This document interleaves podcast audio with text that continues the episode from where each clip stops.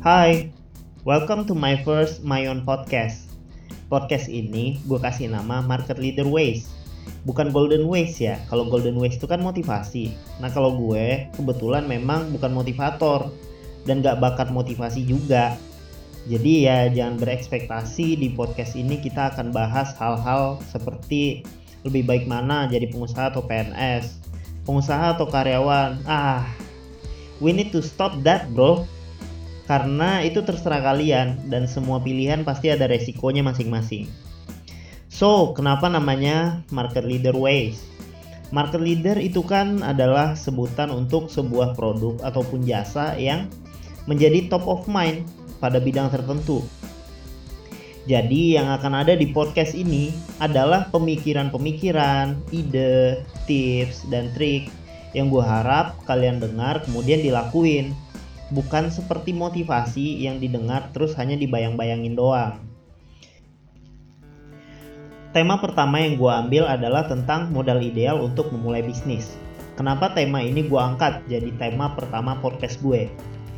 Ya tentu aja karena ini adalah hambatan pertama orang dalam memulai bisnis. Sekarang kalau lo tanya sahabat lo, teman kerja lo, atau mungkin lo tanya ke diri lo sendiri deh. Kenapa sampai sekarang belum mulai bisnis? Sebagian besar jawabannya adalah ya belum ada modal, lagi ngumpulin modal. Nah, yang ngumpulin modal ini nih, nggak tahu deh mau ngumpulin sampai kapan. Sebagai catatan, modal yang gue sebut dari tadi adalah tentunya modal uang ya. Kebanyakan ngaku kendalanya di situ, menunda ngejalanin bisnisnya karena lagi ngumpulin uang. Padahal yang namanya modal itu kan nggak cuma uang ya, bisa aja berupa ide, pengalaman, pengetahuan, tempat. Itu semua juga modal. Bahkan gue pernah dengar kata-kata yang lumayan menampar nih dari seorang Jaya Setiabudi. Biasanya orang yang di awal aja dia kesulitan modal, biasanya nanti ketika dapat modal, entah dapat dari mana kali ya, dari utang, pinjam keluarga atau orang tua atau jual tanah warisan Nah orang yang di awal aja dia udah kebingungan cari modal untuk sekedar modal mulai usahanya doang, biasanya nanti setelah dapat modal dia bakal kesulitan menjual. Catat deh baik-baik, dia akan kesulitan menjual. Ya, ini relate banget sama apa yang gue alamin.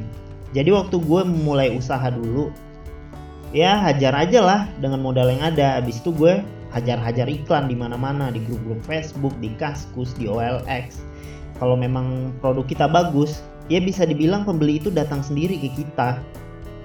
Dan ini nggak gue sendiri doang yang ngalamin. Jadi di tahun 2016 itu gue lolos jadi finalis kompetisi bisnis.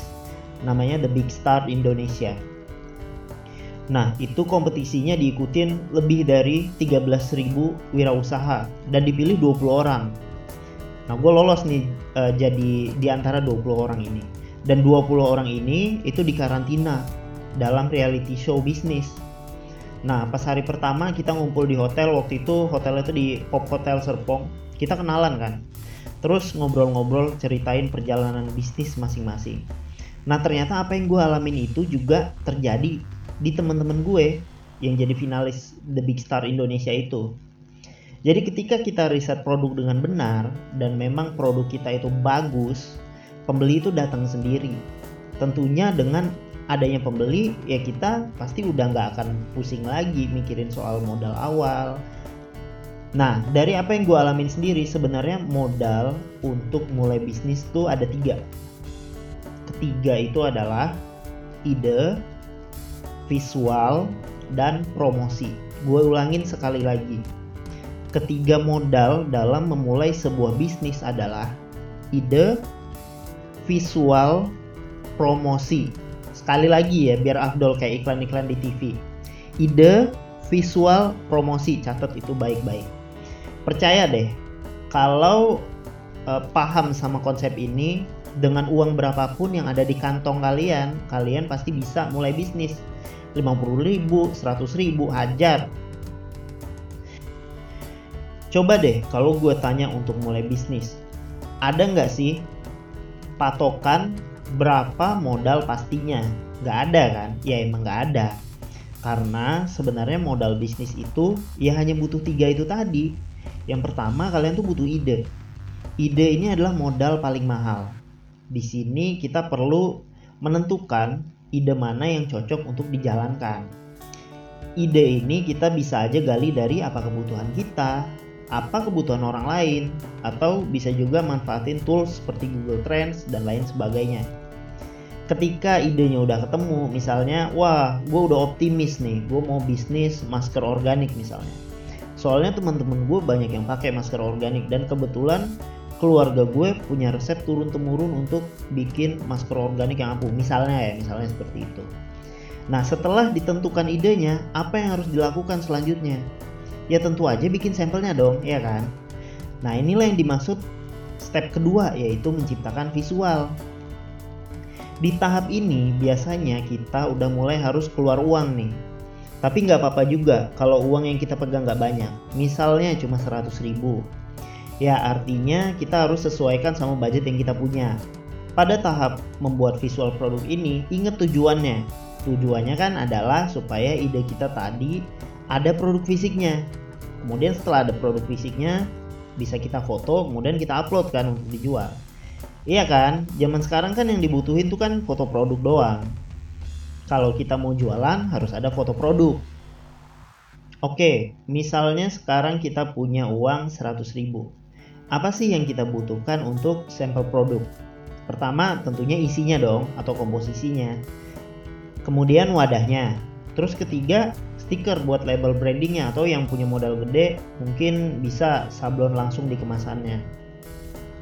Dengan modal 100 ribu coba aja dibagi. Wadahnya cari yang minimum ordernya paling kecil. Sekarang banyak kok penjual-penjual wadah yang terima orderan dalam jumlah kecil. Di Shopee atau Tokopedia coba cari aja. Untuk komposisinya gitu juga. Coba aja di ecer misalnya beli dalam jumlah kecil 100 gram dulu 200 gram dulu gitu misalnya. Pasti ada kok kemudian untuk stikernya cetak aja lembaran. Satu lembar A3 plus cutting tuh biasanya sekitar 15.000 sampai 20.000 dan kebutuhan-kebutuhan ini itu tuh semuanya kita bisa cari online. Itu ada kok semuanya. Nah di sini keuntungannya kalau kalian punya modal lebih. Kalian bisa sekalian bikin sampel rada banyak biar bisa sekalian dijual ya kan tapi kalau modal kalian minim banget ya minimal bikin aja satu sampel produk supaya kalian punya foto produk itu tadi. Kemudian kalian buka aja pre-order. Gak ada masalah. Jadi memang minta orangnya bayar di depan karena produknya nggak ready. Dan itu sama sekali nggak ada masalah selama kalian memang secara transparan sampaikan itu di depan. Kemudian kalau sampel produknya udah ada apa yang harus kita lakukan? Ya jualan lah udah ajar langsung sebarin post sama deskripsi produknya ke semua channel yang kalian bisa semua marketplace, Tokopedia, Shopee, Bukalapak, Blibli, Lazada, OLX, Kaskus, Instagram, Facebook, hajar aja semua. Semua yang gratis udah hajar semua. Gratis ini kalaupun gak laku ya lo gak rugi apa-apa juga kan. Nah ini pembedanya kalau kalian punya modal lebih banyak. Kalian bisa aja langsung pakai fitur iklan-iklan berbayar biar produknya lebih cepat dikenal. So, jadi inti dari podcast gue ini adalah gue ingin membuka mata bahwa uang itu bukan modal utama untuk memulai bisnis.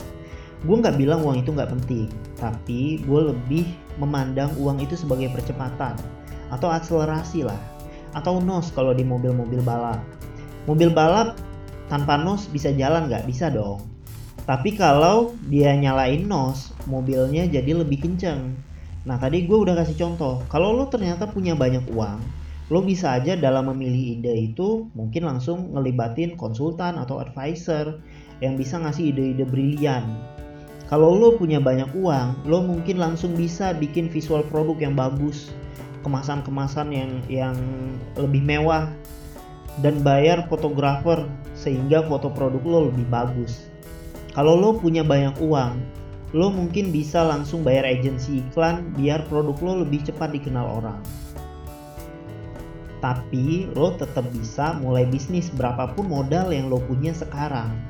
kalau lo terus-terusan nunggu ngumpulin modal yang nggak tahu sampai kapan ide lo keburu disamber orang bro udah hajar aja yang penting lo bisa bikin sampel satu aja minimal iklanin udah masalahnya nih timbul pertanyaan gue yang belum punya ide dan nggak tahu mau ngapain tapi pengen banget bisnis gimana cara cari ide yang bagus oke okay, in the next podcast gue akan bahas gimana cara ngerangkum ide analisa ide dengan tools dan apa aja prinsip-prinsip yang penting banget supaya ide bisnis kita jadi bisnis yang bisa bertumbuh dengan lebih cepat. So, see you in the next podcast Market Leader Ways.